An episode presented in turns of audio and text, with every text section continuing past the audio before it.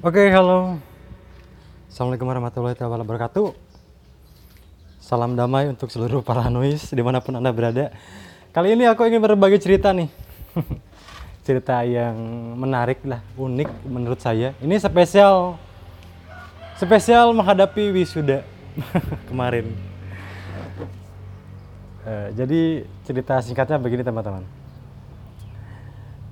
Kampus memberikan saya undangan, sebuah undangan untuk menghadiri wisuda pada tanggal 23 Juli kemarin.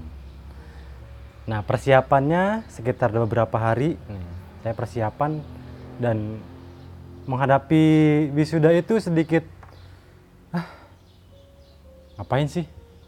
Kok jadi balik malas-malesan? Maksudnya ngapain? Apa yang harus saya siapkan gitu? Singkat cerita, saya langsung membawa surat kabar uh, undangan itu kepada memberitahuan kepada orang tua saya bahwa saya akan menghadapi akan mengikuti wisuda pada hari tersebut. Kan di situ uh, kita dibolehkan untuk membawa dua orang keluarga. Nah di situ itu bebas mau teman mau siapa yang punya keluarga ya keluarga kalau nggak punya keluarga mungkin teman atau saudaranya. Nah kebetulan ya orang tua saya masih ada dan saya memberikan apa harapan saya kepada orang tua saya bahwa maukah ini saya yang saya saya katakan ya maukah hadir di acara wisada saya? Ini undangannya. Kali aja mau untuk hadir di wisuda anaknya gitu kan.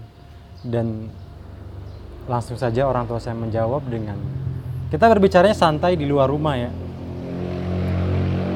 dan tidak direncanakan juga. Dan orang tua saya menjawab bapak saya. Begini jawabannya.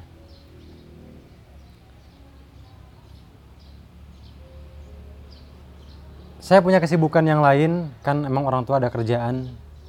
Apakah sendiri tidak bisa? Sendiri juga bisa kan? Ya seperti itu ya kurang lebihnya ya. Ya saya jawab sendiri juga bisa. Ya ini ya kali aja bapak mau melihat acara wisuda saya wisuda aku gitu.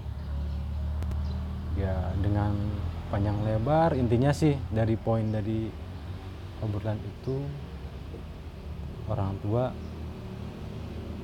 mungkin dia malu. Saya menangkapnya itu malu. Katanya seperti ini. Nanti kan dosen-dosen menilai bapak. Lah emang kenapa ya intinya mungkin saya tangkap ya bapak saya orang biasa seorang petani seorang buruh yang baru penghasilan tidak tentu. Dengan tidak ada pakaian yang wah yang gimana gitu kan di sehari-hari emang pakaiannya biasa yang sederhana buat kerja ke sawah kerja beli bangunan ya memang kita saya dari keluarga orang sederhana. Rumah pun ya biasa aja. Bahkan saya berpindah-pindah tempat saya tinggal di rumah orang lain menempati rumah Allah orang lain ber, berkali-kali. Dan saya tinggal di rumah kakek saya. Dan itu pun rumahnya sederhana banget. Kamar saya pun ya memang bukan kamar sih jadi ruangan tamu yang cukup kecil sekitar 2 meter kali berapa ya? 2 meter kali 2 meter gitu ya dan gak ada pintunya dia itu dibikin dibuat kamar saya buat tidur. Sempit banget pokoknya acak-acakan. Ya mungkin di situ yang ada dari pikiran bapak saya dia mau